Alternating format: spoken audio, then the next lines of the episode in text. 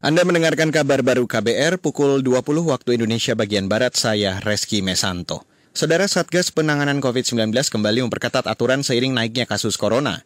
Juru bicara Satgas Penanganan COVID-19, Wiko Disasmito mengatakan, pemerintah memperlakukan screening spesifik sesuai jenis acara. Wiku mengatakan seseorang yang tidak lolos screening wajib melakukan tes COVID-19 lanjutan di tempat. Aturan tersebut mulai berlaku hari ini kegiatan yang bersifat forum multilateral dan tidak melibatkan VVIP wajib melakukan prosedur pemeriksaan gejala berkaitan dengan COVID-19 dan dihimbau mensyaratkan pemeriksaan antigen bagi seluruh partisipan untuk meminimalisir potensi penularan. Yang ketiga, kegiatan yang tidak bersifat forum multilateral dan tidak melibatkan VVIP wajib melakukan prosedur pemeriksaan gejala berkaitan dengan COVID-19 dan dilakukan tes antigen bagi pelaku suspek COVID-19.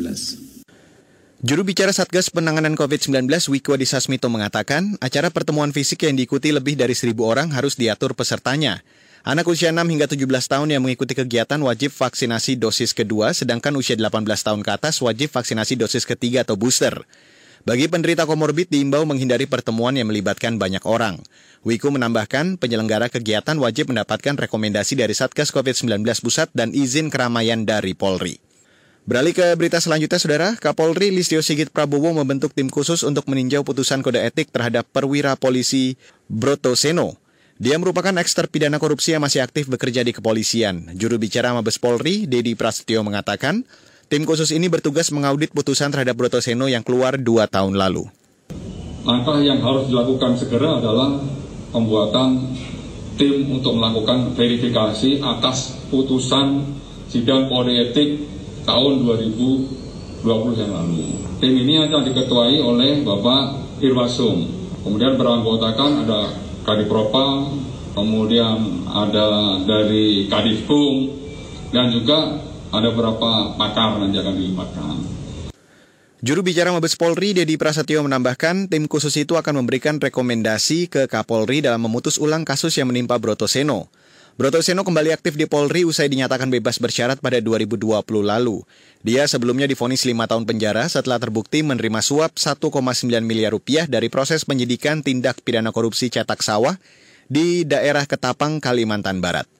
Saudara, desa Lengkong di Kecamatan Langsa Lama Aceh terisolir akibat dikepung banjir hari ini. Banjir setinggi 1 meter yang menerjang satu desa itu terjadi akibat meluapnya air sungai usai hujan deras. Kepala Pelaksana Badan Penanggulangan Bencana Aceh atau BPBA Ilyas mengatakan sudah melakukan evakuasi korban yang terjebak banjir. Kita selalu berkoordinasi kepada dengan BPBD Kabupaten Kota memastikan keselamatan warga dan pelayanan dasar bagi mereka yang mengungsi. Ini yang paling penting. Kemudian uh, BPBA itu melakukan uh, pendataan dampak banjir ini. Kepala Pelaksana BPBA Ilyas menambahkan telah membuka posko dapur umum untuk memenuhi kebutuhan pengungsi banjir dan hingga kini tidak ada laporan korban jiwa dalam peristiwa tersebut. Dan saudara, demikian kabar baru saya Reski Mesanto.